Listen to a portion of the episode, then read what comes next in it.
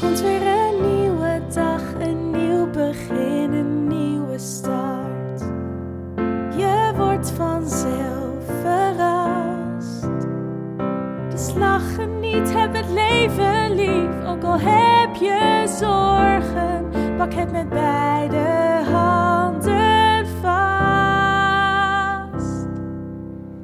Dit is de Alles is Liefde podcast.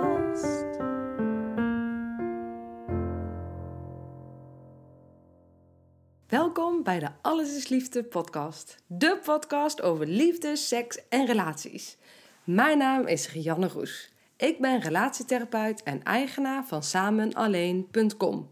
In deze podcast ga ik in gesprek met grootheden op het gebied van liefde, seks en relaties. En de kennis en ervaring en inspiratie die ik daardoor opdoe, deel ik graag met jullie. En ik hoop hiermee ook jou te mogen inspireren. Wil jij ook meer uit jezelf en je relaties met anderen halen? Reis dan met me mee met dit avontuur dat liefde heet. Dit is de Alles is Liefde podcast.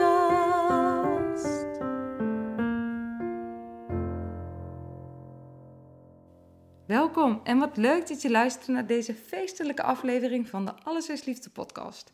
Feestelijk omdat de podcast vorige maand precies een jaar bestond. Een jaar waarin ik elke maand een aflevering met jullie heb kunnen delen. eh, waarin ik experts interviewde op het gebied van liefde, seks en relaties.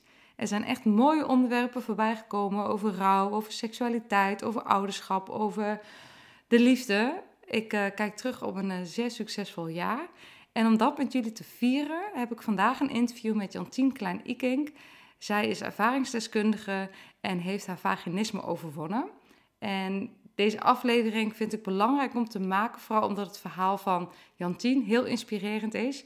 En tegelijkertijd om jullie mee te nemen in wat heb je nou aan al die experts? Wat heb je aan therapie? Wat heb je aan kennis over de psychologie? Ehm, wat heb je aan, aan relatietherapie? Nou, vandaag in dit interview eh, delen we het verhaal van Jantien Klein-Ikink, die haar vaginisme heeft overwonnen. En vandaag bespreken we in dit interview wat waren blokkades, wat waren successen, wat waren dingen die lastig waren. Ehm, hoe, kun je, hè, hoe kun je met je hulpvraag aan de slag? Schaamte, eenzaamheid, er komt zoveel voorbij. Een heel mooi en kwetsbaar, maar zeker ook inspirerend verhaal. En ehm, nou, weet je, laten we vooral beginnen. Jantien, ik begin met mijn allereerste beginvraag. Waar denk jij aan als ik zeg liefde? Waar ik aan denk bij het woord liefde, dan is dat, nou ja, zoals de podcast al zegt, alles is liefde. Zo zie ik het ook. Uh, dus dat, dat staat me wel aan. Um, maar waar ik echt aan denk is dat liefde er altijd is. Uh, en dat liefde een startpunt is. Dus het is eigenlijk de basis voor alles. Um, en ik denk dat ik vroeger heel erg dacht dat liefde meer een doel is. Iets waar je naartoe werkt, iets wat je moet verdienen. En nu heb ik geleerd dat liefde iets is wat er altijd is. En wat aanstekelijk is ook. En, um, en ik denk dat liefde ook iets is van... Ik zie jou zoals je bent, maar ik zie ook jouw potentie. Dus niet alleen ik zie je voor wie je bent, maar ik zie je voor wie je zou kunnen zijn. Um, en dat zie ik hoe je naar jezelf kijkt, maar ook hoe je naar een ander kijkt. Ja. Wauw. ja. Nou ja, ik kan het alleen maar beamen. Vooral wat mooi wat je ook zegt, hè, dat je iemand, uh, iemands potentie ziet. Dus dat je ook kan zien in uh, wat voor toekomst er zou kunnen zijn. En niet alleen kijkt over het nu, maar ook over ja, waar het toe zou kunnen leiden. Ja, omdat ik denk dat liefde ook te maken heeft met groei. Dus het is heel mooi als je houdt van wat er nu is en ook kan accepteren wat er is, de leuke en minder leuke dingen. Um, maar het heeft ook heel erg te maken, ja, inderdaad, met groei. En dat je iemand de ruimte kan geven om tot bloei te komen. En dat kan over jezelf gaan, nogmaals, of over een ander, of over wat dan ook om jou heen. Um, dus dat die ruimte ook gegeven wordt. Ja. Dus dat, ja, dat Ja. zie ik wel echt als liefde. Ja, dus geen status quo, maar iets wat een soort groeimodel eigenlijk, hè? Wat eh, mag ja, veranderen het verandert ook continu. Ja. Ja. en wij mensen veranderen ook. Dus eh, de behoeftes en de verlangens veranderen. Dus de liefde verandert ook. Ja, want ik heb het idee, dat herken ik van mezelf vroeger, dat je je wil vasthouden aan iets en dan wordt het krampachtig. Uh, terwijl het kan niet, want zoals het nu is, de liefde, zo blijft die niet. Die verandert continu. Dus zodra je ook kan zien dat die groei er mag zijn, dan wordt het veel ontspannender. Ja, mooi. Hey, mooi, dankjewel. Nou, dit biedt uh, heel veel hoop en perspectief voor het interview. Ja, ik hoop het. Leuk, ja, want um, nou, laten we gewoon meteen met de deur in huis vallen, Jantien. Um, vertel eens over je eerste keer seks. Ja, de eerste keer dat uh, ging anders dan verwacht. Um, ja, ik weet eigenlijk ook niet of ik per se hele verwachtingen had. Waarschijnlijk wel. Ja, ik denk wel dat ik een idee had van wat het zou moeten zijn. En um, de eerste keer bleef uit, best wel lang, omdat ik geblokkeerd raakte iedere keer als ik het zou willen doen of als ik er überhaupt over nadacht. Um, ik had een, een, vriendje toen ik 15 was. Nou ja, en dan ga je natuurlijk wel gaat zoenen en een beetje op onderzoek uit. Maar ik voelde dat ik telkens, uh, ik, ik durfde niet verder. Dat was een volledige emotionele blokkade. Niet dat ik dat op dat moment al zo ervaarde van, oh, ik heb een emotionele blokkade. maar, um, maar ik voelde wel dat het uh, iets hield me heel erg terug. En ik wilde wel, maar ik kon niet. Dus um, dat gebeurde eigenlijk in mijn hele life. Zelfs als hij aan me zat op een andere manier, uh, dan hield ik eigenlijk alles af. Dus het heeft zeker meer dan een jaar geduurd uh, voordat wij seks hadden. En, um, of in ieder geval voordat we het probeerden. Mm -hmm. En toen we het probeerden, lukte het ook niet. Omdat uh, het bleek achteraf, ik had vaginisme. Um, wist ik op dat moment ook nog niks van. Ik wist niet wat het was. Uh, en, en wat is het? Het betekent dat er zoveel spanning in je lijf zit dat je bekkenbodemspieren heel erg aanspannen en er geen penetratie mogelijk is. Dus dat is, dat is het eigenlijk uh, als je het technisch gezien uitlegt. Ja. Maar wat het uh, voor mij betekent is dat ik volledig uh, emotioneel gewoon geblokkeerd was en niet. Um, ja, geen, ja, dus niet mijn emoties kon tonen op geen enkel vlak. Dus je, je wordt helemaal ik zeg wel eens, het voelt een beetje alsof ik verdoofd was. Dus als jij eh, bepaalde emoties wil blokkeren, dan blokkeer je alle emoties. Ja. Dus niets ging erin en of eruit. Dus je kan het zien als een muurtje om je heen. Wat dus letterlijk ook zo in mijn lijf gebeurde. Een muurtje om jezelf veilig te houden, waardoor je uh, ja, eigenlijk helemaal geen verbinding kan krijgen met jezelf of met een ander. Nee, ja. Um, en ja, en, maar vaginisme heeft wel verschillende gradaties. Weet je, sommige vrouwen hebben pijn bij het vrijen. En andere kunnen gewoon e echt niet uh, vrijen. Er, kan geen, er is geen penetratie mogelijk. Volgens mij is ongeveer 5% van de vrouwen die dat heeft. Dus dat vind ik ook best veel, gezien ja. daar niet heel veel aandacht voor is. Nee, nee. Um, ja, en op dat moment wist ik echt totaal niet wat er aan de hand was. Ik weet nog dat we het probeerden en uh, ik hield altijd al af en op een gegeven moment had ik echt besloten: het moet maar een keer gebeuren. Het is niet dat ik me klaar voelde. Hij drong zich ook niet op, zeker niet. Dus, uh, het was niet dat dat van hem per se kwam. Maar ik had in mijn hoofd, ik was ondertussen 16, 17, wat was ik? Het, hoort een keer. keer. En, ja. uh, en ik wilde het ook heel graag voor hem, want ik hield wel van hem. En ik dacht wel, ik, ik gun het hem ook. En ik weet dat het een keer moet. En er kwam zo'n lading op onze relatie te liggen. Ja. Um, dus ik weet nog dat we, dat we ergens een hotel hadden geboekt. En, uh, en ik dacht, nou, het moet er maar van komen. En het deed zo'n pijn dat ik... De tranen kwamen gewoon. En ik zei, doorgaan, doorgaan. En toevallig dat ik afgelopen week een, een, een, serie aan het kijken was op Netflix, Unorthodox. En daarin heeft het meisje ook vaginisme. Dus voor iedereen die interesse heeft, zeker deze serie kijken. Ja.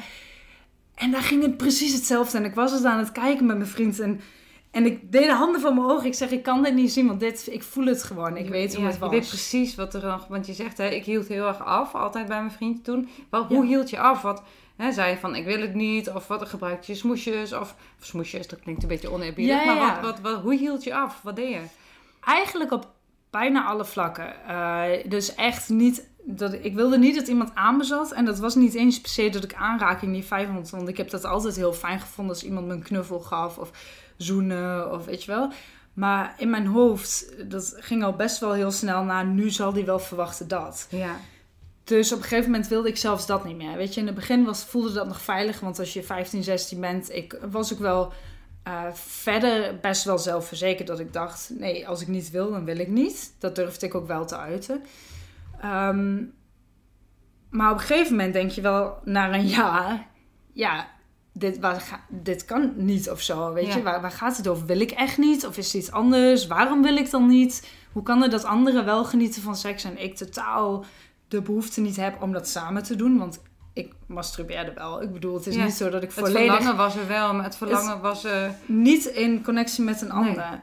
Ehm, en zelfs als ik dat bijvoorbeeld deed, dan voelde ik me ook echt vies na de tijd, weet je. Dan was het niet dat ik daar uh, uh, heel erg van genoot. Snap je een beetje wat ja, ik bedoel? precies. Dat je, ja, alsof je...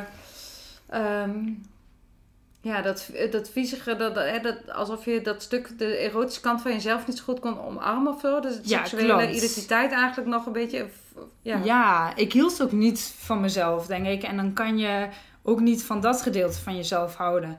En dat is wel echt nodig om volledig te genieten van seks. Ja. Dat je kan genieten ook en houden van je seksualiteit. En, en waarom masturbeerde je dan? Omdat je dacht dat het normaal was? Of omdat je nee, nee, nee. Ik, het is wel, ik genoot daar wel van op het moment. Ja. Maar na die tijd voelde ik me er schuldig over, vies of schaamde ik me erover. Dus dat, uh, daar zat gewoon een heel groot oordeel op. Ja. Dus ik denk dat ik van nature eigenlijk best wel een hoog libido heb en daar wel dus behoefte aan heb. Maar um, dat rijmde niet met elkaar bij mij. Dus het is niet dat ik helemaal geen zin had in seks, maar ik kon dat niet met een ander in die verbinding uh, vinden. Nee. En zo hield ik eigenlijk in die relatie continu alles af. Dus zelfs aanraking op een gegeven moment dacht ik, ja, wat zou die nu verwachten? Laat ik maar helemaal. En ik merkte ook dat ik het uh, steeds meer ook manieren vond om niet met z'n tweeën te zijn. Dus uh, laten we maar iets samen doen met anderen. Of weet je wel, om altijd maar iets te vinden, zodat er ook niet een moment komt dat er misschien seks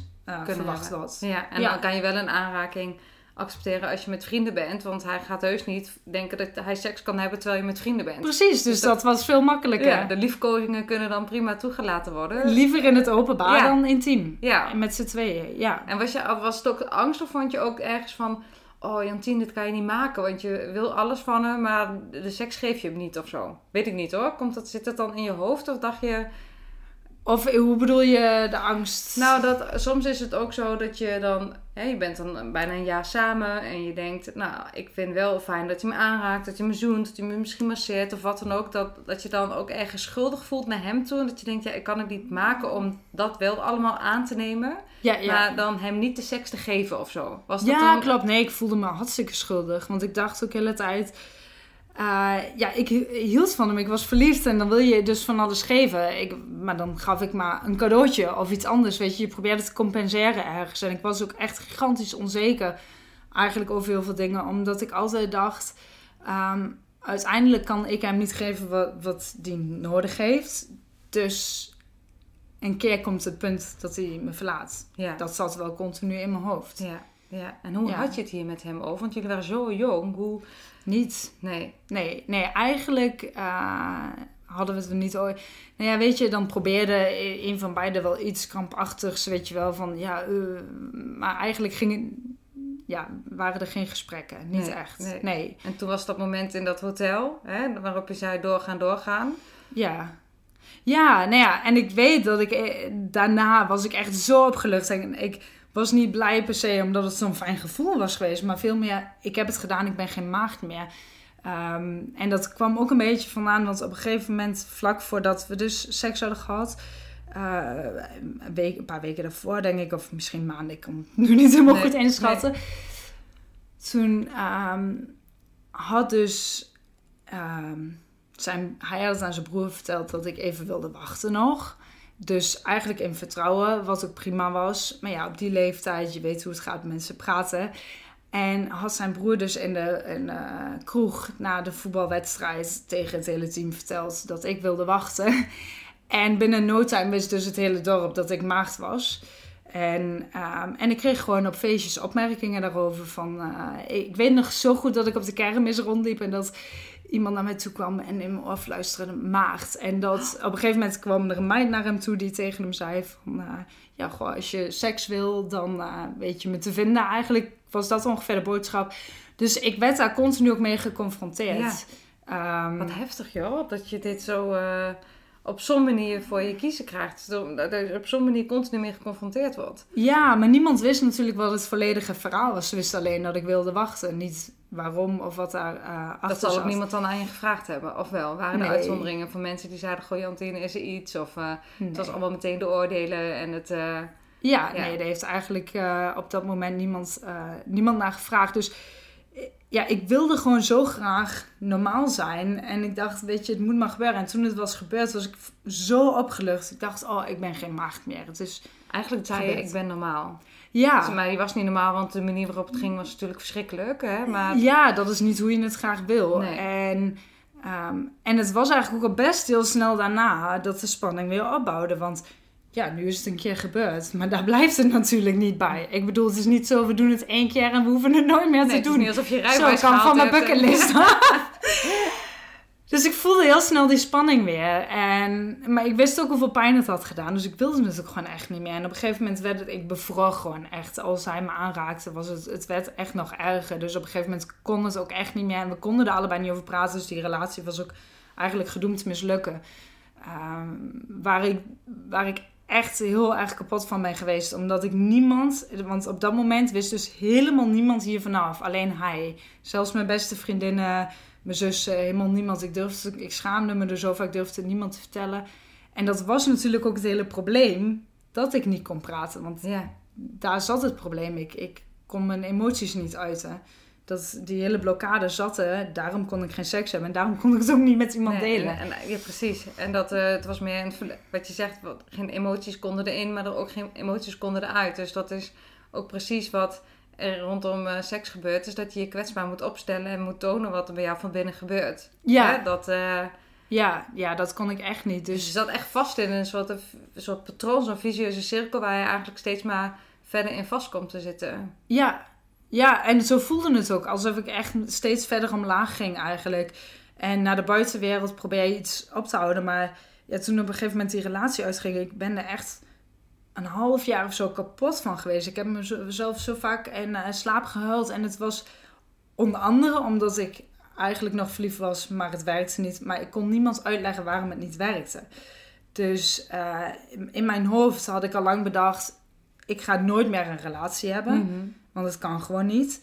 Eh, ik wilde het ook de ander niet aandoen. Ik kan me herinneren dat zei hij op een gegeven moment, en dan neem ik hem absoluut niet kwalijk, maar dat heb ik gewoon, ben ik nooit vergeten dat hij aan het eind een keer zei dat hij, dat hij er spijt van had dat hij zo verliefd was geworden op mij. Want het maakte voor hem natuurlijk de situatie ook heel lastig. Ja, ja. Want eh, ja, als je verliefd bent, maar dit issue staat ertussen, wat doe je daar dan mee?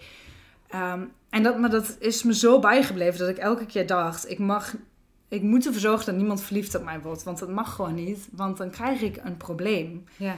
En, eh, en niet alleen ik, maar ik zorg ook voor de ander voor een probleem. En ik zit er nou eenmaal mee, maar de ander hoeft daar niet mee te zitten. Dus ik had daarna nog veel meer zoiets, alles afhouden.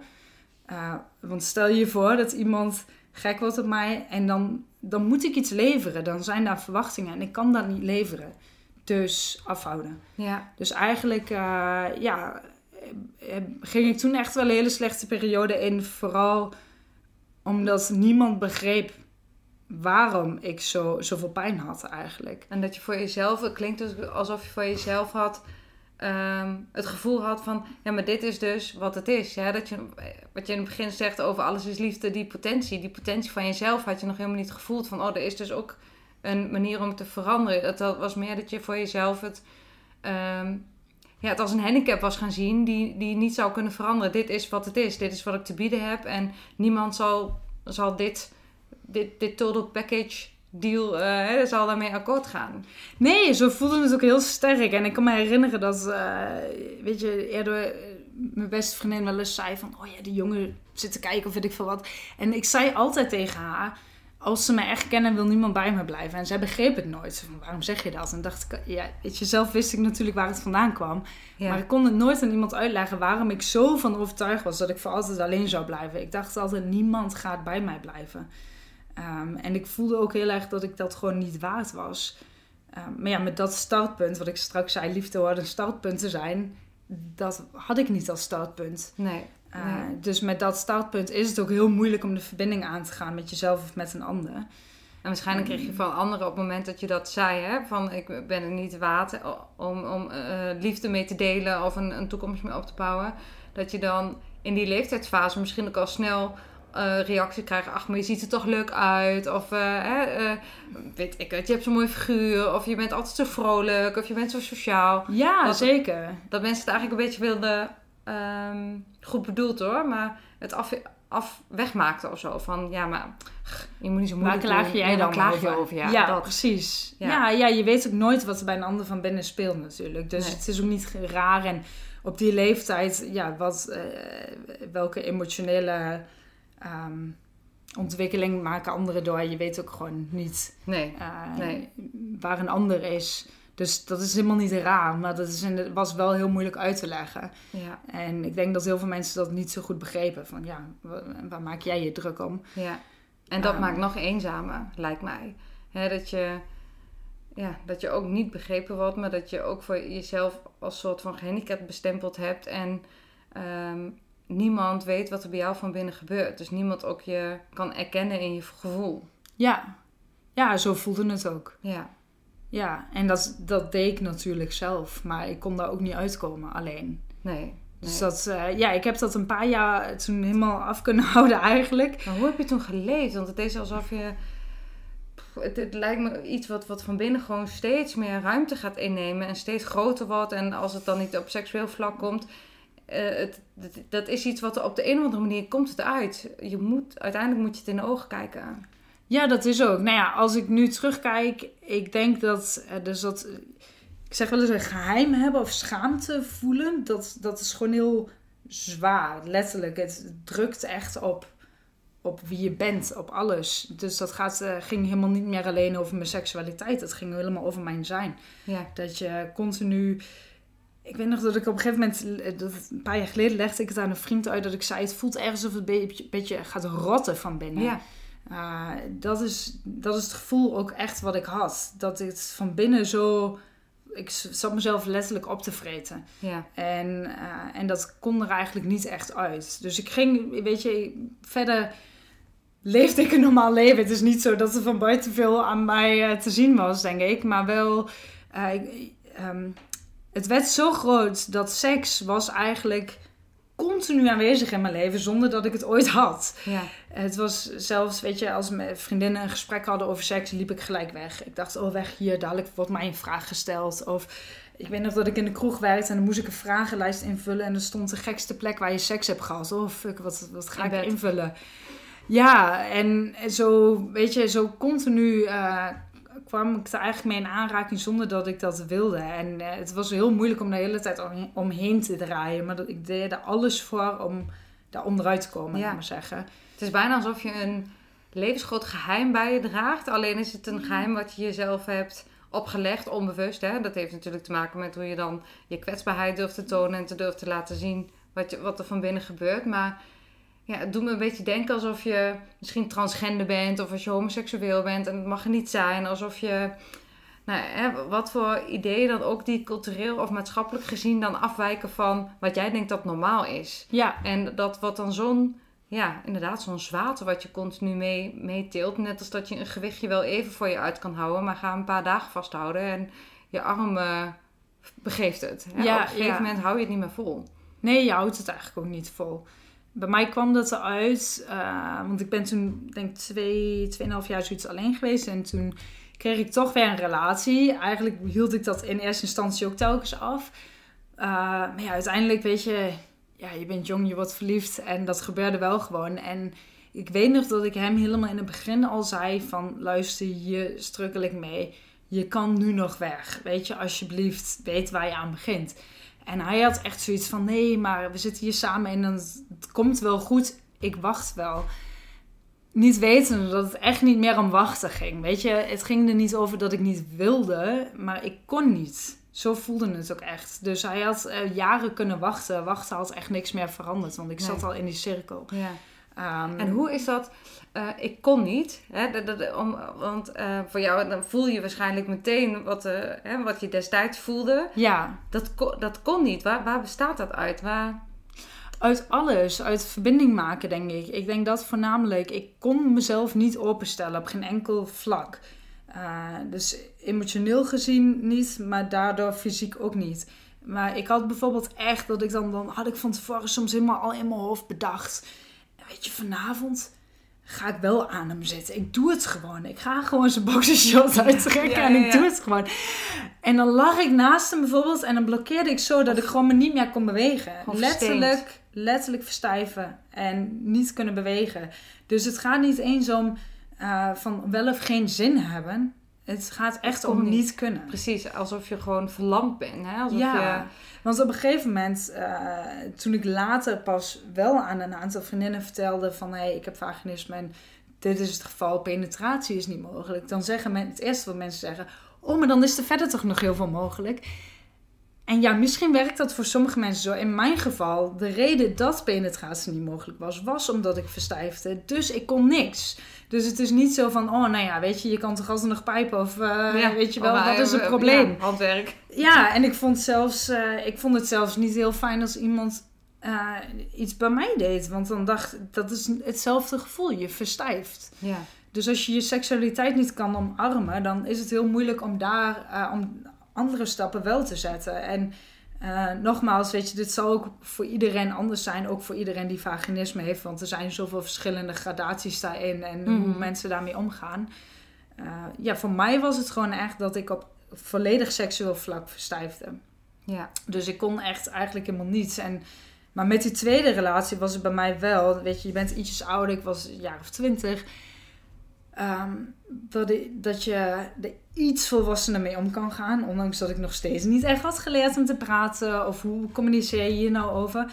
Eh, na anderhalf jaar denk ik ongeveer dat we samen waren. Toen ik merkte dat het echt bergaf was, ge- ging met ons beiden. Weet je wel, ik, ik, ik- voor mijn gevoel trok ik hem gewoon mee in die neerwaartse spiraal. Mhm. En op een gegeven moment zaten we samen op de bank. En het voelde letterlijk alsof ik aan het ontploffen was. Zo van, alsof alles eruit kwam. En ik heb toen de autosleutels gepakt. En ik dacht, ik moet gewoon rondrijden, muziek hard, nadenken, wat wil ik doen. En toen ben ik naar een vriendin toe gereden en haar gebeld van kom even in de auto zitten. En ze kwam naast me zitten en ik kon niet stoppen met huilen. En ze wist helemaal nog niet wat er was. Maar ze huilde gewoon met me mee. Oh, En toen... eh, dat is ook liefde. ja, en toen heb ik haar dus eigenlijk alles verteld. Het was de eerste keer buiten de twee vriendjes omdat ik iemand vertelde over mijn situatie. En toen zei ik, ja, eigenlijk hoe erg ik me schaamde, hoe eenzaam ik me voelde en hoe mislukt eigenlijk. Ik voelde me gewoon echt een mislukkeling eigenlijk. Ja. Van, hoe kan het nou dat, dat ik dit niet kan? Ehm, en Terwijl de rest van de wereld het, het, het lijkt, li- hè, wat je vanzelf te gaan. Precies. En eh, ja, dus ik vertelde het haar en, eh, en het heeft mij heel erg geholpen dat zij er gewoon luisterde en meehuilde. En weet je wel, niet gelijk aan me zitten trekken van, weet je, Je wel... moet gewoon dit of eh, nee, je moet totaal niet. ontspannen. Nee, ja, inderdaad, je moet gewoon ontspannen. Je moet ja, gewoon aan iets anders denken. Het is Ja. niet moeilijk, je moet maar zin maken. ja. En, en ik weet nog dat eh, later vertelde ik het ook tegen mijn zus. En ze sloeg zijn arm om me heen en zei ze... Oh, ik hoop toch zo dat je ooit leert hoe fijn het ook kan zijn. Dat je dat gaat ervaren. Ik gun het je zo dat je ervaart... Of, dat was de eerste keer in mijn leven dat ik erover na had gedacht... Dat het dat, seks fijn kon zijn. Ik, ik zat toen echt... Hoe fijn het kon zijn. Ik had het altijd gevoeld als een last. Van, dit moet gewoon, hoort erbij. Eh, hoe kom ik hier vanaf? En, en toen zij dat zo uitsprak, drong het ineens bij mij door. Oh, sommige mensen vinden dit dus oprecht fijn. Ja. Daar had ik nooit. Ik dacht Maar dat in ja, haar zin mannen- zegt ze ook iets heel potentieels. Zegt ze dus ook iets van, ik hoop in de toekomst... Hè, dus dat noemt ze eigenlijk ook die groei en die ontwikkeling die misschien... Hè, die, De potentie, die, ja, ja. Die, die zij jou heel erg gunt. En dat vind ik er ook mooi in die zin. Want hij doet heel veel recht aan hoe je je op dat moment voelt. Maar geeft tegelijkertijd het perspectief dat het niet altijd zo hoeft te blijven. Ja, en daar had ik eigenlijk nooit over nagedacht. Want toen ik eh, mijn beste vriendinnetje vertelde over mijn situatie, dat was echt niet omdat ik dacht: ik, ik ga hier iets mee doen en het kan beter worden. Ik, ik trok het gewoon echt niet meer. Dus het was volledig uit wanhoop. Ik voelde Ja. me zo eenzaam. Want je zei, je ontploft. Het moest er gewoon uit. het moest er echt uit. Dus dat was eigenlijk gewoon mijn overlevingsstrategie. Van ik moet het op een gegeven moment met iemand delen, want ik voelde me zo eenzaam. En, maar toen het eenmaal gedeeld was, dat is, dat is interessant hoe dat werkt is... ehm, ik weet dat Brene Brown zegt dat ook als je eh, als schaamte eh, ontmoet wordt door empathie en, en eh, acceptatie, dan, dan kan het niet meer overleven. En dat is wat er gebeurde. Want zij hielden nog steeds van mij, ondanks dat, ik, eh, dat ik geen seks kon hebben. Dat was geen voorwaarde voor de liefde. Terwijl je dat eigenlijk niet had kunnen bedenken van tevoren anders. Hè? De- de- anders had je jezelf ook op een andere manier kunnen motiveren. Maar je had dat waarschijnlijk zo al in je hoofd aan elkaar gelinkt. Dat als, als ik dit deel, dan is het gedaan met mij of zo. Ja, het voelde echt een beetje alsof een gezichtsverlies of zo. Ja. Ik denk ook dat ik, ik heb altijd best wel een beetje van thuis uit geleerd van eh, de dingen die je doet, zorg maar dat je die goed doet. En de rest hoef- dat begint maar niet eens aan. Bijna een beetje zo, weet je wel. Dat is helemaal niet bewust zo gedaan. En dat is in heel veel gevallen ook prima, denk ik. Alleen op dit vlak, ik had gewoon ook altijd in mijn hoofd... ja, iets wat je niet kan, dat moet je dan misschien ook maar helemaal niet aan beginnen. Maar wanneer leer je iets door eraan te beginnen? En wat, Dus- wat, wat, want je zegt andere mensen zagen het eigenlijk niet of merkten eigenlijk niet. Wat, als ik terug zou kunnen gaan in de tijd, hè, dus wat tijdmachine, en ik zou jouw omgeving, dus je vrienden, je ouders, je buren, hè, wie dan ook, vragen: Goh, wat is Jantine eigenlijk voor meisje? Hoe, had je dan je hoe zag je leven er letterlijk uit? Terwijl je nu zegt: Dit gebeurde er bij mij van binnen, dat wist Mhm. helemaal niemand. Wat zagen ze? Wat was, wat, ja. Ja, ik had gewoon veel vriendinnen. Ik eh, deed alle dingen die iedereen deed. Veel stappen, veel sporten, eh, school, alles, weet je. En eh, ik was eigenlijk in de meeste dingen ook eh, best wel goed, weet je. Met heel veel dingen ging het ook best wel goed. ja. Alleen, dat was ook allemaal afleidingsmanoeuvres eigenlijk. Weet je, de dingen die ik onder controle kon houden, die had ik onder controle. Ik sportte echt een paar keer per dag. Ik was echt gewoon super fit en was heel erg bezig met de dingen die ik wel onder controle had. Eh, maar daar zat helemaal geen ontspanning Nee. in. Nee, nee, het klinkt ook niet als ontspanning hoor. Maar het, is vooral ook de kloof weer van wat er binnenin jou gebeurt en wat andere mensen zagen. Dus hoe, Ja. hoe groot eh, die kloof en hè, d- dus ook die eenzaam, eenzaamheid geweest zal zijn op, op, in die jaren eigenlijk. Want het heeft jaren geduurd. Het heeft jaren waarschijnlijk Ja. van binnen opgevreten totdat het gewoon Ik denk dat het eh, ja, vijf, zes jaar zoiets heeft geduurd voordat ik het. eh, ik denk vijf jaar voordat ik het gedeeld had. En zes jaar voordat ik echt stappen aan het zetten was. En Ja. eh, dat vooruitgang. En die eerste was. keer hè, dat je met je vriendin deelde, merkte je toen ook, oh, de geest is uit de fles of zo. Hè? Het is nu iets wat, wat is gaan rollen waar ik iets mee moet of zo. Het voelde echt als een gigantische opluchting, als een soort van bevrijding. Van, pff, ik, ja, het, echt alsof er iets van mijn schouders viel. En, eh, en vanaf daar ben ik ook wel de eerste stappen gaan zetten. Dat ik, ehm, weet je, het begon met iets kleins dat ik met haar naar een eh, osteopaat ben geweest. Weet je, wist, wist ik veel wat er zou helpen. Daar geweest, nou ja, dat deed in principe niks. Maar in ieder geval was er een stap gezet. Uiteindelijk eh, naar de huisarts gegaan. En bij de huisarts weet ik nog dat zij... ehm, ja, zij mij voor het eerst eigenlijk vertelde van dit is vaginisme. Ik wist ook niet wat het was. Ik had er ook eigenlijk nooit echt iets over opgezocht hoor. Dat is volledig... s- ja, hoe zeg Je dacht dat? echt dat je eigenlijk de enige was van de hele wereld die dit had of zo. Dat je, Ja, ja, dat en niet om jezelf zo uniek te vinden, maar meer de eenzaamheid weer te benadrukken. De schaamte, hè. Dat ja, je denkt, ja. dit heeft echt ik had helemaal geen niemand. Is- idee dat dit een ding was. Nee, dat, dat echt zoveel had. vrouwen, wat je zegt, 5%. Ja, Ja. dat is als je het aantal eh, eh, benoemt, dan ja, ik kan niet zo gauw eh, dat nee, uitrekenen, maar dat is gigantisch. dat is ja. hartstikke veel, ja. Ja. ja, en ik denk echt iets van 20% van de vrouwen eh, ervaart regelmatig pijn Pijn, bij het ja. vrijen. Dat is echt wel veel. En, Ja. Ja. dus het is gewoon goed om daar een open gesprek over te hebben. Want ik, ik heb wel eens, ik had wel eens voorheen wel eens artikelen ook gelezen over bijvoorbeeld, weet je, in de Yes of weet ik veel wat er toen nog was. Yes, ja. Maar dat was altijd anoniem. Dus ik had ook heel erg het idee dat je ervoor moest schamen. Ik vind anonieme verhalen, daar zou ik dus echt op dit moment nooit aan meewerken. Omdat het mij heel erg laat zien, dit is waar, iets waar je voor moet schamen. ja. Deel dan niks, weet je. Ja, Of open ja. of niet. Zo zie ik het nu. Want voor mij was het heel erg eh, iets van, oh ja, je moet je dus voor schamen. Dat je dit niet open durft te Precies, en dat is het mooie wat je nu zegt. Want als het ehm, van nu zie je dat anonieme als schaamte, terwijl je jezelf eigenlijk als 16-jarige had gegund dat je het, hè, het had gedurfd om anoniem iets in te sturen, zodat je zelf onder ogen had, al had kunnen komen van, oh wacht, ik kan hier dus hulp voor vragen. Ja, ja, ja. Dus dat is vanuit, met, met de kennis van nu. perspectief Ja. je het bekijkt. Ja, Ja. ja. Ja.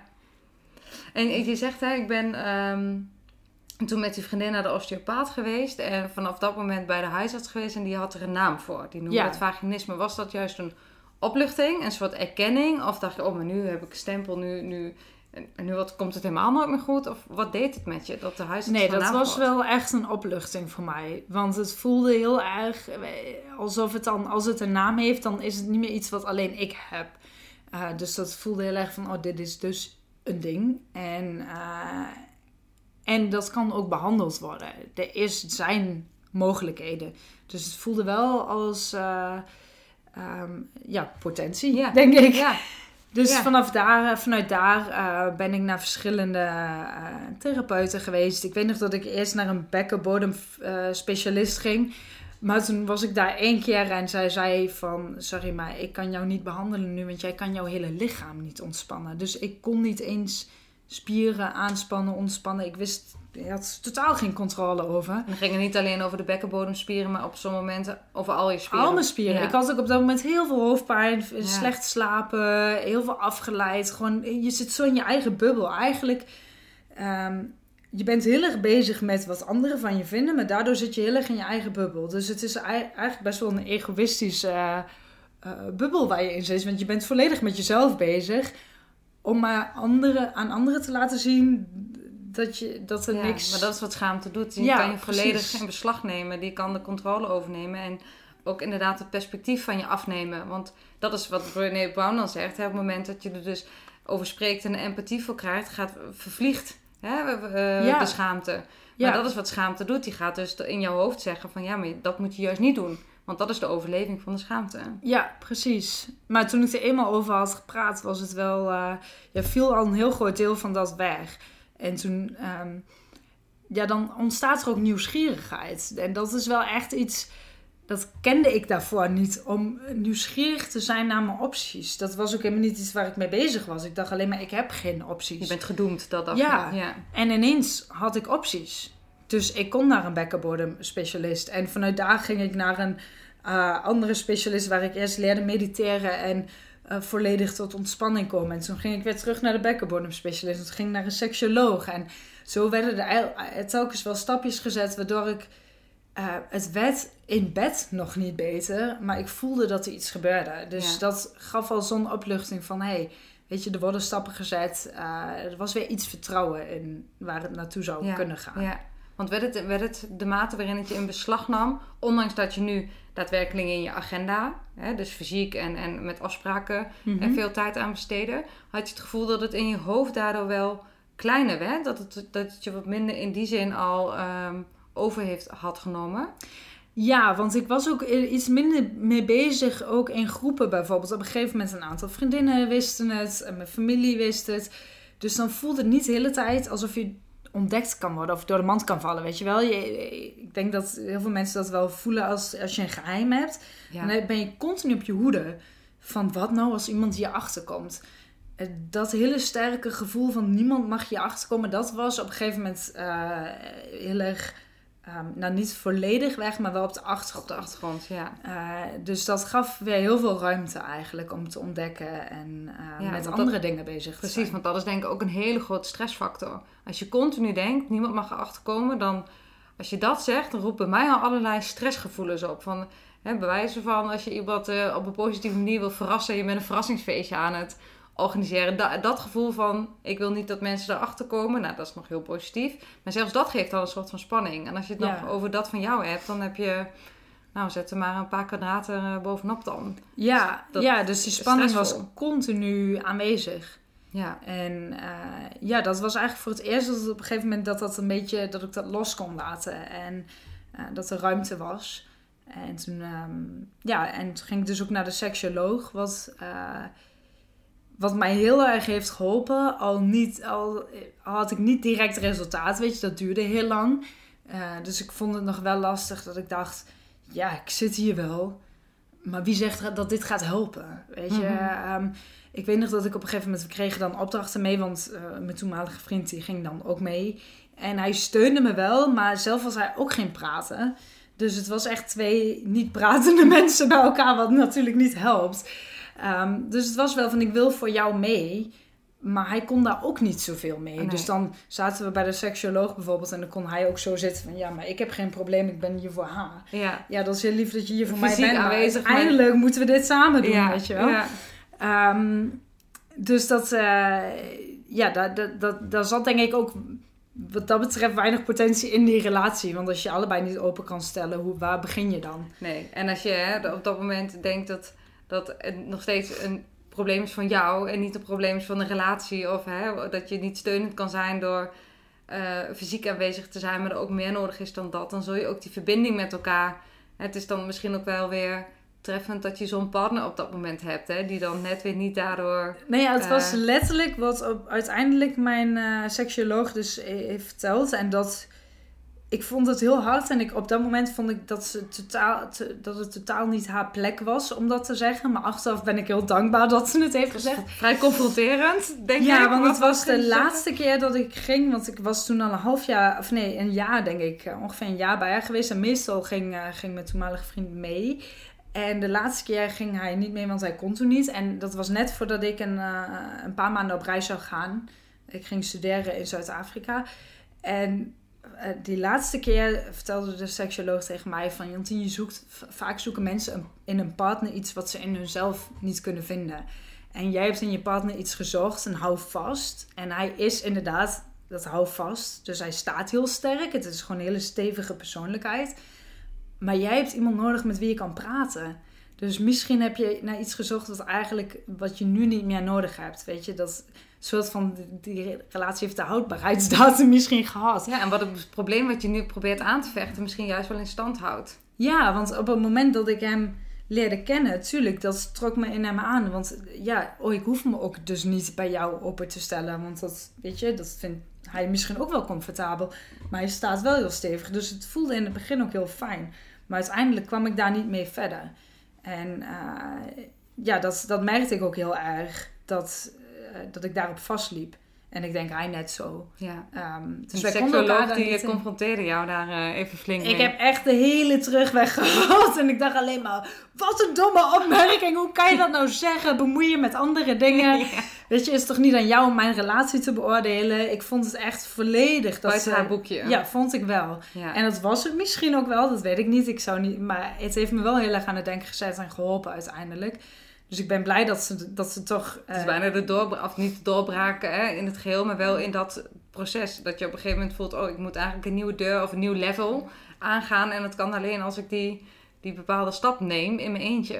Ja, ja, dat had ik gewoon nodig. En ik denk eigenlijk dat het voor hem ook beter was. Want Je kan elkaar ook heel lang vasthouden in zo'n patroon. ja, we werden er allebei niet beter van. Tuurlijk was het voor hem ook geen fijne situatie. Ik bedoel, je bent al twee jaar, tweeënhalf jaar zijn we uiteindelijk samen geweest bij, bij iemand met wie je geen seks kan hebben. Dat is voor niemand fijn. Ehm, en ja, we hebben in die periode, want in dat jaar dat ik bij de seksuoloog liep, kregen we bijvoorbeeld opdrachten mee. En ik denk dat die opdrachten achteraf gezien te vroeg kwamen voor mij misschien. Of ik wist niet zo goed wat ik ermee moest. Dan kregen we bijvoorbeeld een opdracht mee van nou, deze maand ehm, gaan jullie wel intiem zijn, maar dan, eh, het mag niet uitlopen op seks. Dus de regel is, het wordt geen, eh, geen seks. Dus ja, wat je dan onder seks verstaat. Ja, want dat is dat, of- hè? Wat is dat? Is orale seks? Is, eh, ja, maar totaal niet. Maar het mag wel bijvoorbeeld masseren. Of weet je, gewoon dat je intiem bent op andere vlakken. hè, Zodat de drukte afgaat. Want druk, dat was één ding wat ik continu ervaarde. Van ik moet, weet je, Ja. als iemand me aanraakt dan... gaan- precies, dat is is, de eerste stap in, een, in, in het resultaat penetratie. Ja, eigenlijk wel. Ehm, dus het hele idee was, dan gaat de druk van de ketel. Maar ik dacht vooral, ja, maar dit doen we altijd al. Wij doen dat allemaal niet. Dus er verandert deze maand niks. We gaan weer geen seks hebben. En ik za- zag de bui al hangen van volgende maand. Dus ik Want was je- eigenlijk al bezig ja. met de volgende maand. En maar niet in deze maand bezig met, oh fijn, we mogen dus wel die massage doen of Ja. andere dingen. Dus het do- het doel van, hè, wa- waarin je meer ruimte zou ervaren en meer zou kunnen voelen en kunnen ontspannen, omdat je de zekerheid had, het hoeft geen seks te worden of het hoeft geen penetratie te worden, had je eigenlijk al de angst voor die maand erop. Dus dat was Ja. het meer zo alsof het nog meer je angst voedde, want je dacht, nou, de volgende stap zal dan wel zijn dat er, eh, dat er meer moet gebeuren. Ja, precies. Ik was eigenlijk daar al mee bezig. Van, oh help, wat nu? En nu, achteraf denk ik, dit was een geweldige opdracht voor mensen die inderdaad druk voelen. Ehm, en ietsjes verder in het proces zijn misschien. Ja. Want ik heb het na die tijd ook nog wel best wel vaak aan andere mensen voorgesteld. Want soms heb je ook, zelfs binnen een relatie, als je normaal wel geniet van seks... en er komt een periode dat je denkt, ik voel het gewoon niet zo... maar mijn partner zit wel heel tijd aan me te trekken of wil wel iets Ja. van mij. Dan zeg ik altijd, nou spreek eens met elkaar af... om twee weken lang bijvoorbeeld te zeggen... we gaan wel intiem zijn, maar er is geen penetratie... of er is überhaupt geen seksuele handeling. Ja, want dit is wel mooi wat je, en dat is even een klein z- zijweggetje, maar ik, vind dat die past in deze podcast om toe te voegen. Ja. Dat ik dat in koppels dus ook best wel vaak merk in relatietherapie, dat er soms heel lang geen seks is geweest, omdat een van de twee voelt dat elke aanraking zou kunnen leiden tot penetratie of tot, eh, dat nog moeten twee over een orgasme gaan. En dat, dat je steeds schraler en, en wat, wat armoediger wordt in je, in je genegenheid laten zien aan elkaar, omdat je steeds de angst hebt ja, maar in seks heb ik geen zin. Dus laat ik maar geen enkel signaal afgeven waardoor de andere zou kunnen denken dat het op seks zou kunnen uitdraaien. Waardoor dus heel veel intimiteit ook verdwijnt uit de relatie. En dat Ja. is gewoon zo zonde. Dus dan is zo'n afspraak wat jij nu noemt, ja, dat zou echt een gouden zet kunnen zijn. Hè? Dat je zegt, nou, een, een maand even niet. Kijken wat het met ons doet. En, ja, en- en, ik denk dat ja. het ook heel mooi is als je gewoon binnen je relatie kaders kan stellen waar je je samen over eens bent. En eh, zodat daar, want dan is er ook niet ehm, het gevoel van afwijzing. Ik denk dat dat mensen, Ja. dat is een grote angst voor veel mensen, dat je afgewezen wordt door je partner. Wat nou als je nog een keer het initiatief toont en de ander zegt weer nee? Of wat nou als je weer nee moet zeggen en dat wil je niet, dus je doet maar iets. Ja. Dus Ja, als je precies. daarin kaders durft te stellen, dan, en je kan dan ook zeggen van, goh, weet je, ik merk dat ik de laatste tijd gestrest ben. Ik ben er met mijn hoofd niet bij. Wat nou als we afspreken de komende weken dit of dat? Deze week wil ik graag dat jij het initiatief neemt. Of eh, volgende maand zullen we afspreken dat ik vanaf volgende maand het initiatief ga nemen. Zodat je daar eh, binnen die kaders kan spelen. En ik denk Precies. dat dat heel mooi is als je al op dat punt bent dat je kan genieten van seks, Ja, maar dat je nee, even een precies. terugval Even hebt. terug naar wat je zegt, hè? Dat je zegt van, nou, die opdracht die ik eigenlijk van de seksoloog kreeg, hielp eigenlijk niet. Want het, zorgde, het stelde alleen maar angst. Nee, het stelde niet de angst uit, het stelde het onvermijdelijke uit. En het onvermijdelijke, daar wilde je eigenlijk helemaal niet aan denken. Ja, precies. Dus het werd me ineens, dat dacht ik, een maand maar. Weet je wel? Dat voelde voor mij, meer. het kwam wel heel erg dicht op me af. Van, pff, dus volgende maand moeten we wel meer doen. Hoe dan?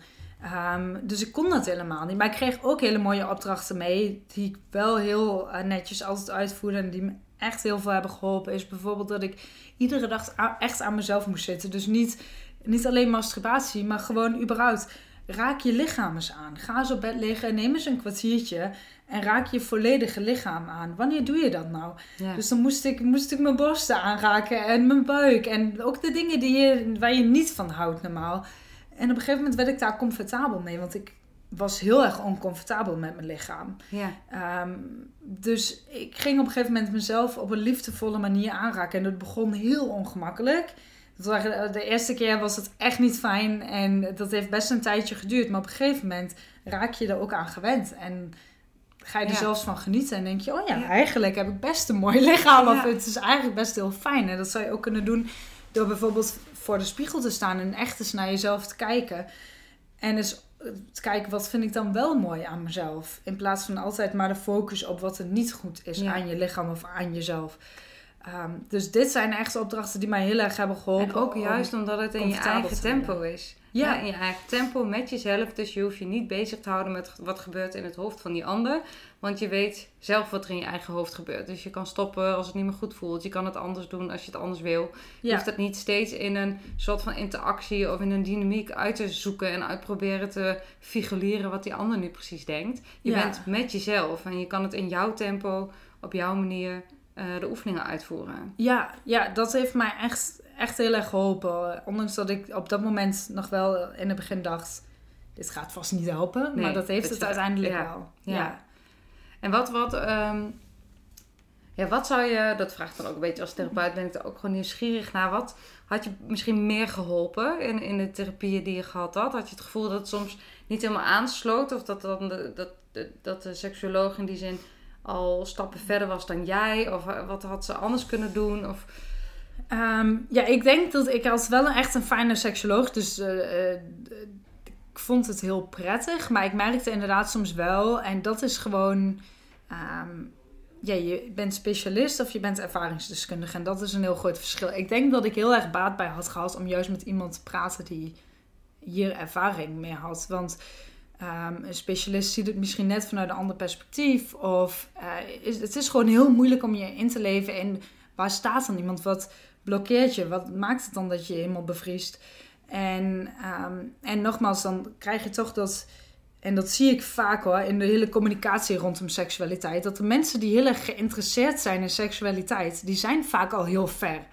Want je hebt er al heel veel over geleerd. Dus alles wat je communiceert is vanuit een perspectief waarin je eigenlijk dat hele proces al hebt doorlopen. Maar als jij nog helemaal aan het begin staat, dan voelt dat alsof je een sprong moet maken waar je nooit kan komen. Ja. Uh, dus dat was niet alleen mijn eigen seksuoloog, maar ook dingen die je in de bladen leest. Weet je, dan las ik in de Linda van je moet uh, af en toe gewoon zin maken, bijvoorbeeld.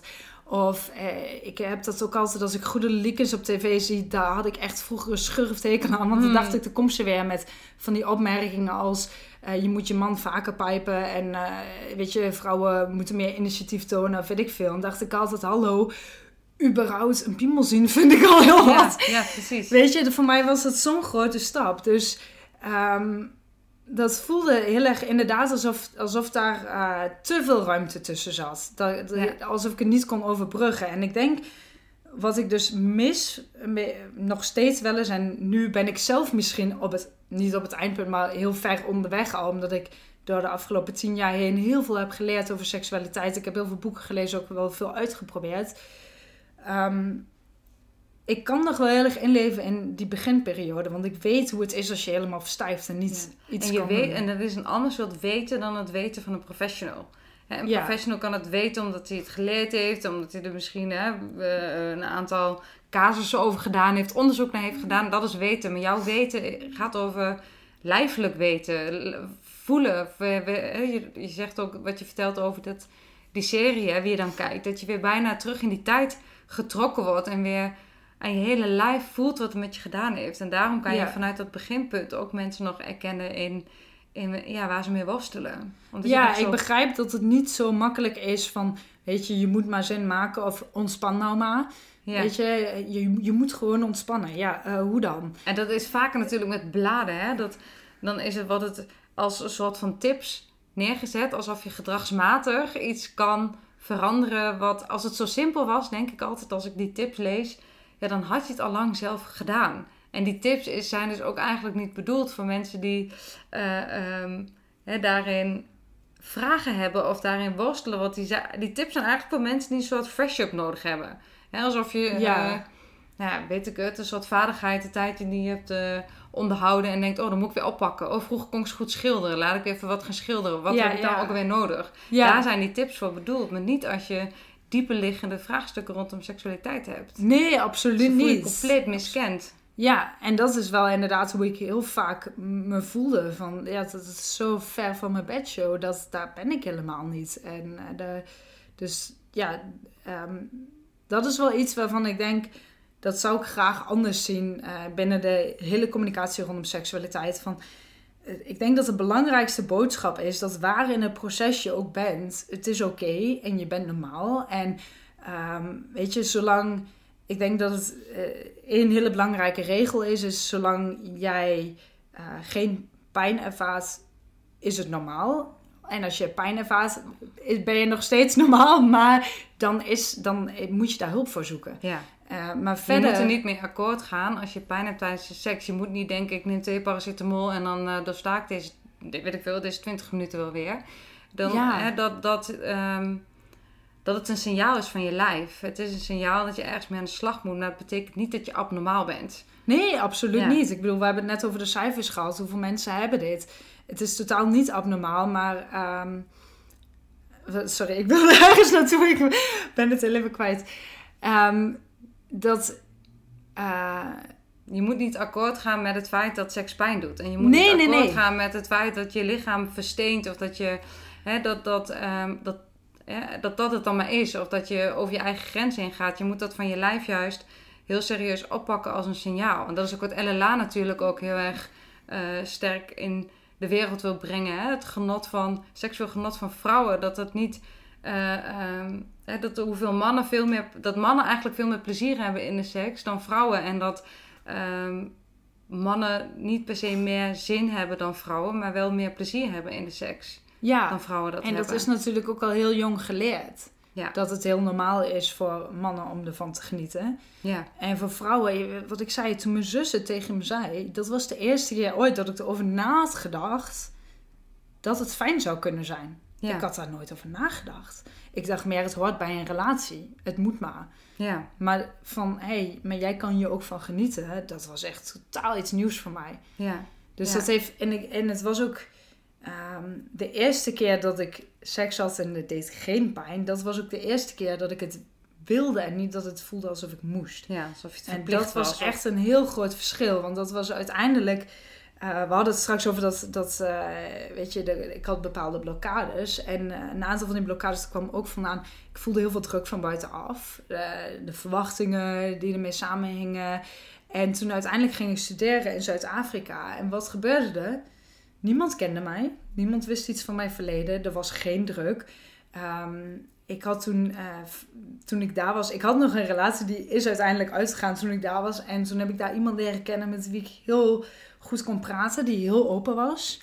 En ik heb hem toen gewoon alles verteld. En ik dacht, fuck it, ik ben Ja. in Zuid-Afrika. Ik hoef hem nooit meer te zien. Dit is wat het is. En ik heb toen alles verteld. En we waren volledig open tegen elkaar. En, eh, en dat was eigenlijk de eerste keer dat ik voelde van... Oh, ik zou wel seks willen met jou. Ja, Zonder dat ik voelde, ik moet dat hebben. Want wij we hadden geen relatie. Het hoeft helemaal niet. Ehm, en dat was eigenlijk de eerste keer dat ik seks had. En uit verlangen. uit verlangen. En dat ik ook voelde, ik wil dit echt. En daarvan kon genieten. Ja, Dus ineens was de volledige druk van de ketel. En dat is ook iets wat ik eh, echt mensen mee wil geven. Is ehm, creëer een context waar geen druk is. Waar eh, geen verwachtingen zijn van buitenaf. Maar ook niet die- die je jezelf oplegt. Alsof je van jezelf van alles moet. En ehm, waarin je ook niet mensen meeneemt in bed. Want eh, ik denk dat dat ook iets is wat ik... Ik vond het heel moeilijk om dingen los van elkaar te zien.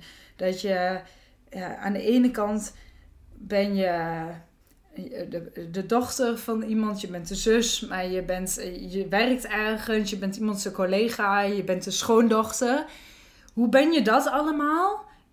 En dan moet ik ook nog geil zijn. Dan moet ik ook nog die seksualiteit uiten.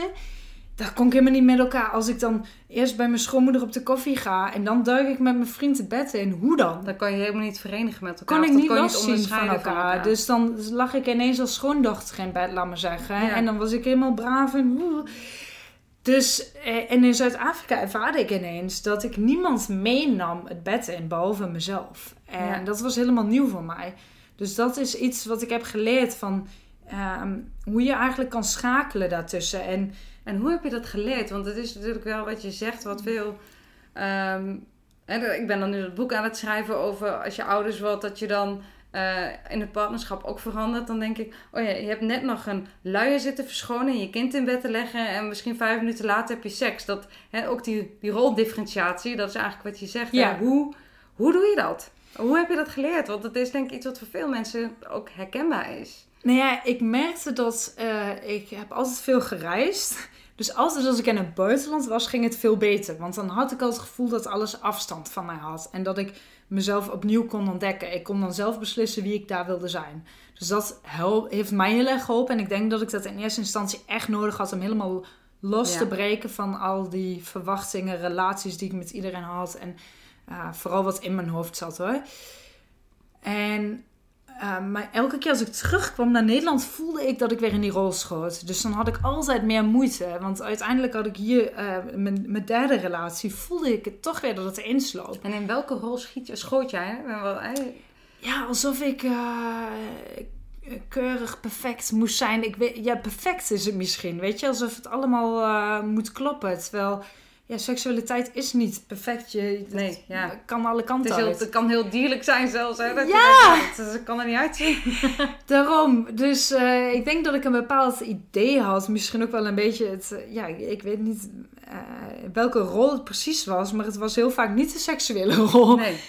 Dus ik nam van alles nog weer mee naar bed. En op een gegeven moment ehm, ben ik teruggegaan. En dat had ik trouwens niet alleen met mijn seksualiteit, maar met alle relaties die ik dan terugkwam in Nederland. Die vervielen dan toch weer in een bepaald rolpatroon, wat al van vroeger uit ontstond, eh, ontstaan was. Ja, dat is ook hoe het gaat. En toen dacht ik, nee, ik ga je toch nog weer een keer voor naar mijn psycholoog.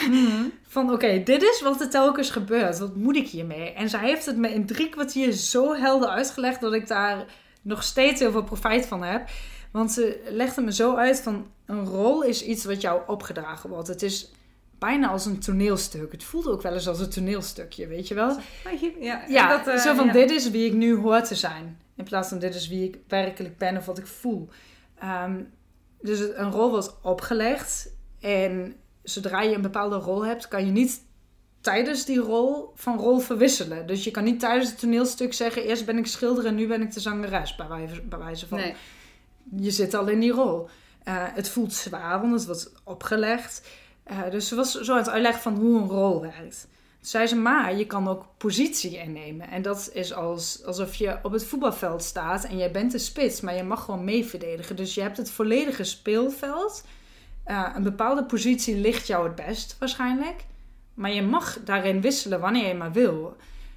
En dat voelde voor mij, dat was zo'n Een helder. bevrijding bijna, Echt een bevrijding. Ja. Dat ik dacht, ja, dat is ook zo. Dus ik kan gewoon eh, de schoondochter zijn, maar ondertussen heel seksueel zijn. En ondertussen ook ondernemen. En ik kan al dat soort dingen kan ik doen, want ik kan binnen mijn positie wisselen. Ik zelf kiezen waar ik wil staan Ja. op dat moment. En dat, sta, dat voelt heel krachtig, want dat heb je zelf in de hand. Ja.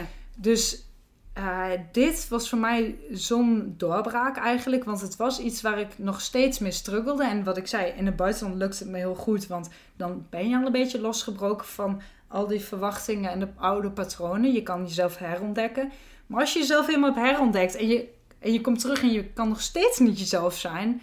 dan heb je nog steeds een probleem. Ja, dit- ja, precies. Want dat is wat je, wat ook ehm, mensen in de omgeving houdt ook bepaald gedrag, bepaalde rollen, houdt het ook in stand. Ja, En net als dat je eh, uit huis bent gegaan, bij wijze van, en je hebt je helemaal doorontwikkeld. Je denkt, nou, ik ben echt een soort van eh ontpopt tot de vrouw die ik wil zijn of tot de man die ik wil zijn.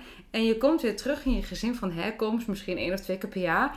En je hoort en ziet jezelf dingen doen alsof je weer tien jaar terug in de tijd gaat. ja. Dat je denkt, dit was ik toch ontgroeid, hier was ik toch doorheen ontwikkeld. ja. Want dat is wat een context kan doen. Die kan gedrag eigenlijk weer eh, ja, terug laten poppen. ja, volledig. Ja, net als met een verslaving. Dat als je de verslaafde alleen behandelt en je zet hem weer terug in zijn oude habitat. Ja, dan ligt het op, de loer dat eigenlijk het oude, eh, ja, het oude verslavingspatroon ook weer naar boven komt. Dus dat is wat je dan merkt op reis. Ben je los en dat zijn hele mooie oefenmomenten. Eigenlijk een context waarin je kan ervaren en aan jezelf kan laten zien wat er nog meer, meer mogelijk is. Mhm. En vervolgens probeer je die differentiatie, eigenlijk die zelfdifferentiatie in, ja, in eigenlijk een natuurlijke omgeving toe te passen. Maar dat lijkt me een hele klus geweest.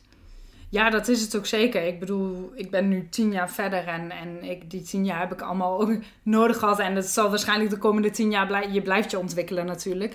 Uh, maar het Een geeft, leven lang leren. Ja, dat is wel. Maar het geeft wel, um, je, je kan blijven groeien als je inderdaad jezelf ziet als iemand die een positie in kan nemen. Dat, dat houdt nooit op. Je kan blijven groeien. En ik denk zodra je een rol hebt, dat uh, verkleint jezelf eigenlijk. Dus nou, je, sterker nog, mensen dus willen vaak niet dat je de- die rol ontgroeit. Want als jij iets anders gaat doen in die rol, dus je gaat positioneren, ja. betekent het direct dat jouw omgeving ook iets moet. Want ze, ze Ja. kunnen niet meer op dezelfde manier reageren, want jij doet, jij doet iets anders. Je hebt je op een andere manier gepositioneerd. En dat geeft natuurlijk wel ook onrust in je eigen gevoel. Want je denkt, ja, maar we deden het altijd zo. Dus ga ik nu de boel opschudden?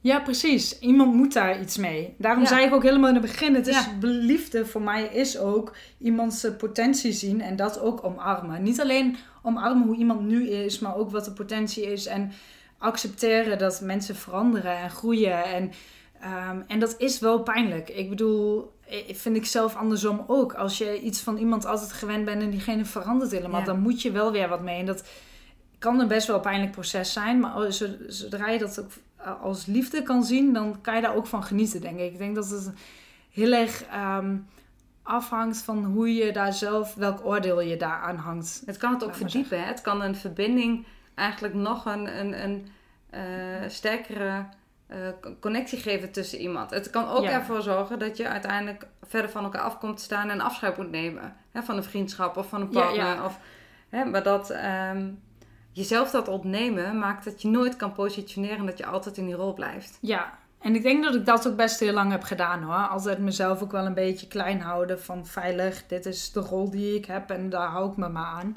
En ik merk eh, dat, dat, steeds, dat het me steeds beter lukt om wel gewoon die positie in te nemen en te denken, dit is wie ik ben en wie ik allemaal kan zijn. En Want Ja. er zijn zoveel verschillende kanten en ik, en ik heb ook zoiets van, weet je hoe bevrijdend het voelt Dat als alles je mag. voelt Ja. dat het allemaal kan. Het mag er allemaal zijn. Weet je, ik ben echt niet een minder leuke dochter als ik ook plezier heb in bed. En als ik ook andere dingen eh, onderneem. En eh, je wordt daar zelfs leuker en interessanter van, denk ik. Ik denk dat je, dat je meer te geven hebt als je ook meer ontwikkelt. En, eh, en jezelf volledig eh, omarmt en, en al, in alle nieuwsgierigheid, Ja. laat maar zeggen. Precies. En, en zeker die nieuwsgierigheid, dat is wel iets. Ik denk dat dat ehm, een van de eerste dingen is die voor mij iets heeft veranderd in eh, volledig blokkeren naar openstellen. Dat is dus eerst de veilige omgeving creëren van: oké, mensen houden nog steeds van mij, ook als ik niet perfect ben. Ehm, dus dat ge- geeft heel veel veiligheid. En vanuit een veilige basis durf je ook te ontdekken. Weet je, als het onveilig is, dan blijf je op de plek. Dat is gewoon, er zijn volgens mij heel veel onderzoeken naar gedaan. Maar zodra je je veilig voelt, durf je op ontdekking te gaan. Want er is een veilige basis waar je naar terug kan. Ja, dat is de hele hechtingstheorie. Ja. Precies. Oh, nou ja, daar heb ik nooit Ja, iets nee, over geleerd. dat- Maar... Ja, dat, ja, precies. Dat is wat een kind ook doet. Als een kind onveilig is, gaat het vastklampen aan de moeder. Maar als een, als een kind weet dat, dat, eh, dat hij troost krijgt van de moeder, of dat de moeder hem ziet, of als hij valt, dat hij terug kan komen, dat hij, dan wordt je, wordt je een soort uitgangspunt van waar je de wereld kan ontdekken. Ja, En als die, eh, die ouder er niet is om dat kind op te vangen, zal het kind leren dat het dus een onveilige omgeving is. ja, En als je vanuit een veilige basis kan vertrekken, voel je dus de vrijheid om, om ook verder weg te gaan. ja. Ja, en dat werkt natuurlijk in alle relaties zo door. Dus Ja, Uh, ja, dat is voor mij wel vanaf het moment dat ik voelde van, oh, het is veilig. Mensen houden nog steeds van me. Dan kan je gaan ontdekken en dan kan je ook nieuwsgierig zijn naar wat er nog meer uh, is. En ik denk iets wat heel belangrijk is, is zodra je op een gegeven moment op ontdekking gaat, is dat je ehm, iets wat zelfvertrouwen geeft, is kennis. Weet je, weet, wat weet je er überhaupt van? Want ik, eh, ja, dat was gewoon voor mij een volledig blinde vlek. Volledige seksualiteit was, wilde ik ook niks over weten eigenlijk. op een gegeven moment ga je dingen leren en dan denk je, oh, het is toch goed dat ik dit weet. Want dan, wat je, eigenlijk alles wat ik heb geleerd over seksualiteit is, het, wat het ook is, het is normaal. Weet Ja. je, je bent absoluut niet de enige. Wat voor fetish je ook hebt, het is normaal. Iedereen heeft bepaalde dingen. ja, ja. Ehm, en het helpt als je dus weet dat je bepaalde kennis hebt. En ehm, iets wat, wat voor mij heel erg heeft geholpen is bijvoorbeeld ook weten dat er niet zoiets bestaat als een seksdrive. Ik dacht altijd dat dat iets was. En op een gegeven moment leerde ik van nee, mensen hebben een gas en een rem. Zo kan je het eigenlijk zien. Dus bij sommige mensen die hebben meer het voet op het gaspedaal en anderen meer op de rem. En heel vaak wordt voornamelijk gecommuniceerd over wat je kan doen om je, om je zin te stimuleren. Maar niet wat je kan doen om de voet van de rem te halen. ja. Terwijl daar is waar het bij de meeste mensen het probleem zit. Ik bedoel, ik had natuurlijk volledig mijn voet op de rem. ja. En na de tijd nog heel lang op de handrem. Ehm, dus als je op een gegeven moment ontdekt van hoe functioneer ik eigenlijk? Hé, hey, er is een gas en een rem. Waarom ga ik op de rem dan? ja. Wat is het wat zo in mij triggert? En heb je daar een antwoord op gekregen? Van waar is dit bij mij vandaan gekomen? Want je zegt begrip is belangrijk, kennis is belangrijk. Maar ook, ik denk ook inderdaad dat stukje begrip dat je ergens begrijpt van... Oh ja, weet je, het had eigenlijk gezien de context ook niet anders kunnen gaan dan dit. Dat, je, dat je het een stukje ja, met terugwerkende kracht kan begrijpen. Ja. Nou ja, achteraf kan je natuurlijk altijd eh, dingen makkelijker begrijpen. Op dat moment Wat is? Het, le- het leven dient voorwaarts geleefd, maar achterwaarts begrepen te worden. Ja, Zoiets klopt. is het toch? Ja. ja. Ja, connecting the dots, Steve Jobs. Ehm, nou ja, achteraf gezien, ja, weet je, als je niet, niet kan communiceren, maar ook je, als je geen emotionele intelligentie heb nog. Weet je, ik denk dat heel veel mensen dat, daar nooit toe komen. Maar eh, de meeste op 15-jarige leeftijd eh, zijn daar ook niet zo in ontwikkeld. Maar hangt ook wel heel erg van je basis af natuurlijk. Dus ehm, ik wist helemaal niet wat voor emoties ik allemaal had en wat ik daar überhaupt mee moest doen. En ik had van huis uit uh, niet heel erg geleerd om te communiceren. We praten niet veel. En ik had echt geleerd om, um, dat had ik mezelf vooral heel erg eigen gemaakt, om anderen niet lastig te vallen. Dus ik wilde vooral niet lastig zijn. Uh, en, en dat heeft geresulteerd in alles opkroppen. Dus vooral niet delen wat er werkelijk speelt. Want ja, misschien ben ik wel iemand tot last. tot last. Ja, ja. ik zadel een ander op met, met iets van mij. Waar, nou, dat is lastig. Ja, dus waarom zou ik dat doen? Dus ik hou het wel voor mezelf. Uh, en tegenwoordig word ik echt gezien als een open boek. Mensen zeggen dat ook. Ik, ik flapte alles uit en ik, uh, en ik heb niet zoveel grenzen daarmee in. Weet je, ik voel me daar heel comfortabel bij. Maar vroeger was ik echt gesloten boek. En ik durfde, durfde niet eens. Was het helemaal ook ik wist helemaal niet hoe. En dat deed ik dus niet. Um, dus ik kon ten eerste wist ik helemaal niet uh, het spectrum aan emoties wat er is. Weet je, als je daar ook uh, de, de woorden niet voor hebt. Ja, ik wist dat ik boos was of teleurgesteld. Of weet je, je hebt een aantal dingen. Mm -hmm. Maar daar is, zit zoveel meer achter. Ja. Er, zijn, er zijn zoveel emoties die uh, heel veel mensen denk ik nog steeds niet kunnen onder woorden kunnen brengen. Maar zeker op die leeftijd kon ik dat totaal niet. Dus ja, wat moest ik dan uitleggen? Ja. Ik wist het ook echt niet wat ik moest zeggen. Dus het was een volledige muur. Blokkade ook in die zin, hè? In, in, de, in de mentalisatie, dus eigenlijk in het verwoorden van wat er eigenlijk van binnen gebeurt. Hè? De dubbelop, ja. je lichaam verstijft en tegelijkertijd kan je niet verwoorden wat, hè, wat dat eigenlijk veroorzaakt, of hoe het in stand wordt gehouden, of wat het met je doet. Ja. En je wil de mensen niet tot last zijn, dus dan heb je een soort van, nou ja, hè, uh, dubbel slot erop. Ja, volledig gesloten. En ik weet nog dat mijn eerste vriendje op een gegeven moment zei: uh, Ja, ruzie met jou is alsof er een derde wereldoorlog is. En, maar dat was omdat ik alles zo opkropte dat ik helemaal niets zei. En dan op een gegeven moment barstte de bom. Maar dat was dan boosheid wat uitkwam. Dat leek het. Maar er zat zoveel achter. Dat was eigenlijk geen boosheid. Dat was volledig niet gezien voelen, onbegrepen voelen. Daar zat zoveel achter. Um, maar als jij helemaal niet weet hoe je dat moet uiten, dan lijkt alles eh, ja, je bent boos, je bent blij. Of weet je wel, de hele simpele ja. emoties. Dat is hoe je het, hoe je het dan uh, De basis, uh, ja precies. Je bent bang, boos, blij, bedroefd. Of. Ja, maar er zat zoveel meer ja. achter. Dus ja. dat, de, die laag, daar kon ik helemaal niet bij. Ik wist helemaal niet wat dat was. Je wist eigenlijk niet eens dat het bestond. Hè? Nee. Misschien ergens voelde je wel dat er misschien wat was. Maar om daar taal voor te hebben, dat was eigenlijk een... Ja. Je noemt de blinde vlek, maar iets wat ja, wat eigenlijk nog voor jou gesloten was op een gegeven moment. Toen je dat eenmaal kon zien, werd ook je nieuwsgierigheid aangewakkerd om het te willen snappen, om te begrijpen hoe dus de dingen werken. En vanuit dat begrip heb je ook, denk ik, als ik jou hoor praten, heel veel zelfcompassie ook ontwikkeld. Hè? Gewoon liefde voor, voor jezelf, meer begrip voor jezelf, maar ook zeker mildheid. Dus niet meer het veroordelen of het jezelf dwingen om bepaalde dingen te voelen of te vinden die eigenlijk in basis niet bij je passen. Ja, absoluut. Ik vind het wel heel mooi dat je dit zegt, want uh, dat dacht ik nog toen ik hier naartoe reed. Ik dacht, ja, eigenlijk was ik vroeger zo hard voor mezelf, maar daarmee ook hard voor een ander. Want als je van jezelf vindt dat je perfect moet zijn, want dat vond ik van mezelf, alles moest goed zijn. Um, als er geen ruimte is voor imperfectie, dan is dat, die ruimte er ook niet bij een ander.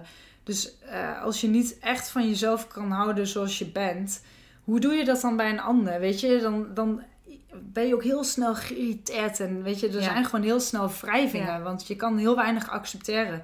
Omdat als iets niet perfect is, dan word je ook weer herinnerd aan je eigen imperfectie. En dat doet pijn. Ja. Ja. En dat zie ik nu ook wel eens bij anderen. Dat ik denk, oh ja, dat, dat herken ik heel erg. Dat het, bij mij zat er dan zo'n irritatielevel, weet je wel. Maar dat was ja, voornamelijk gewoon weinig zelfliefde. Niet, niet jezelf kunnen accepteren inclusief je imperfecties. Ja. Um, ja, dus dan is het vaginisme, en dat vind ik, dat hebben dat, dat doorspekt dit hele gesprek van, maar ik wil het toch benadrukken. Dus vaginisme lijkt een seksueel probleem, maar dat is het eigenlijk dus helemaal, helemaal niet. Ja, het uit zich in de seksualiteit, maar als je dit vertelt, gaat het over zoveel lagen daaronder, over hoe je bent opgegroeid, wat je hebt meegemaakt, hoe je over jezelf denkt, in welke omgeving.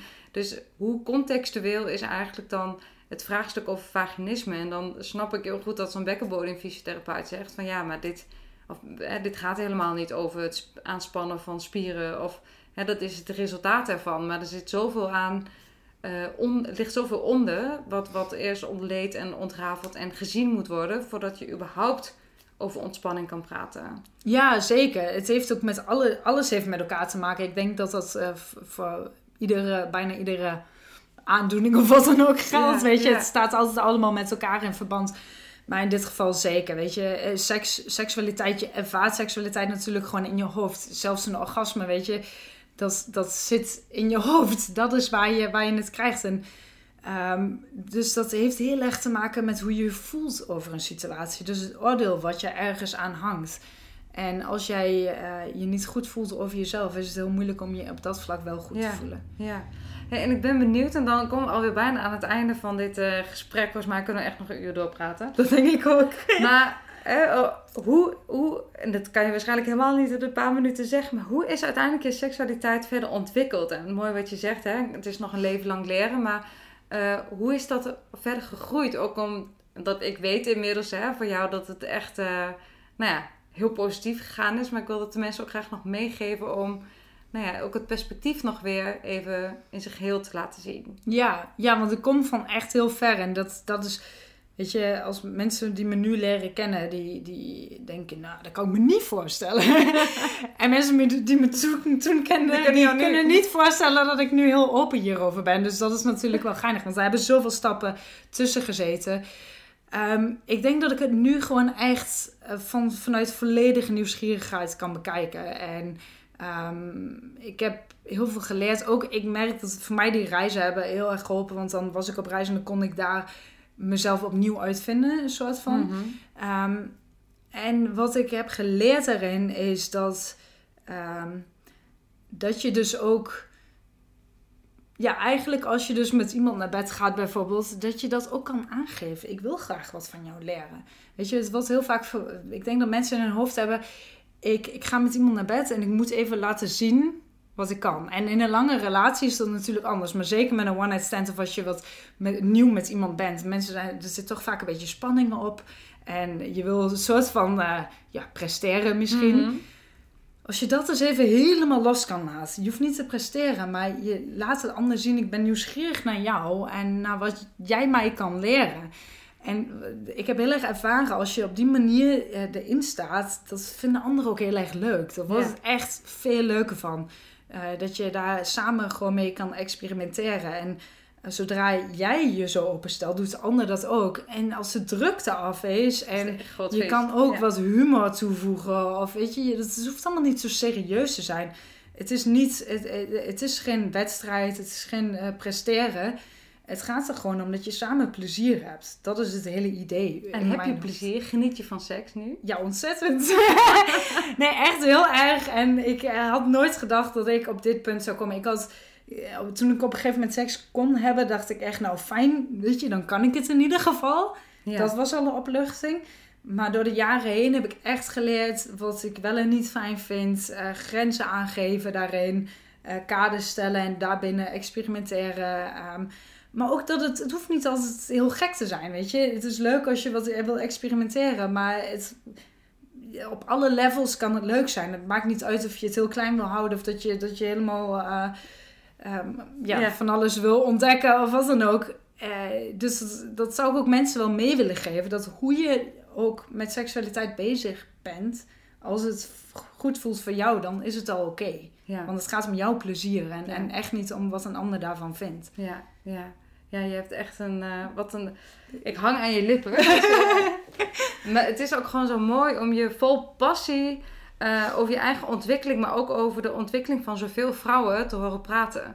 Omdat hè, jouw verhaal is is er één... maar het is ook een verhaal van heel veel vrouwen. En eh, niet op dezelfde manier... met dezelfde achtergrond... maar misschien wel met heel veel eh, kenmerken die overeenkomen. Dus ik hoop echt dat jouw verhaal zoveel mensen mag inspireren om ehm, ja, eigenlijk hun seksualiteit te omarmen, maar ook als de rondom seksualiteit of wat dan ook eh, eh, pijn bij het vrije, als je dat ervaart, pijn bij seks is niet normaal. Dus dan is het gewoon belangrijk om daar wel aandacht aan te besteden en niet zo hard te zijn voor jezelf, maar eigenlijk vanuit zelfcompassie te gaan onderzoeken van wat maakt nou dat het me niet lukt om te genieten. Want seks mag leuk zijn. Dat Ja, is wat zeker. Wat, wat ik je wil zeggen. Het mag zeker leuk zijn, maar als het niet zo is, dan is dat niet abnormaal. Het is Nee. alleen, je wil gewoon niet zoiets in stand houden. Nee. Dus ja, heel veel vrouwen hebben, of nou mannen waarschijnlijk ook, want ik merk ook dat sinds ik hier heel open over ben, dan spreek ik ook wel eens met mannen over bepaalde dingen. En, en dan hoor ik net zo goed dat daar ook problemen zijn. Dat vind ik ook nog wel iets om even te vertellen, want heel veel vrouwen hebben zoiets van, oh, weet je, een man wil altijd wel, van, weet je, je hebt toch een bepaald idee van hoe seksualiteit door mannen wordt ervaren.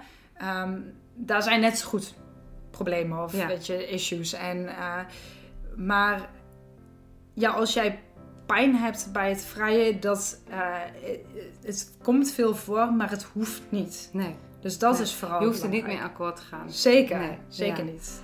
En er is zeker wat mogelijk, want dat bewijst eh, jouw verhaal. Hè? Dat eh echt heel inspirerend. Ik wil je ontzettend bedanken voor je tijd en dat, eh, Ja. dat je mee hebt willen werken aan deze bonusaflevering van Alles is Liefde podcast. Nou ja, ik ben heel blij dat ik dit verhaal mocht delen. Ja, en ehm, nou, we spreken elkaar vast misschien nog. Misschien moeten we nog een keer een podcast Ja, opnemen. dat lijkt me heel leuk. Genoeg Ehm, te vertellen. Ja, dankjewel Jantien. Jij ook bedankt.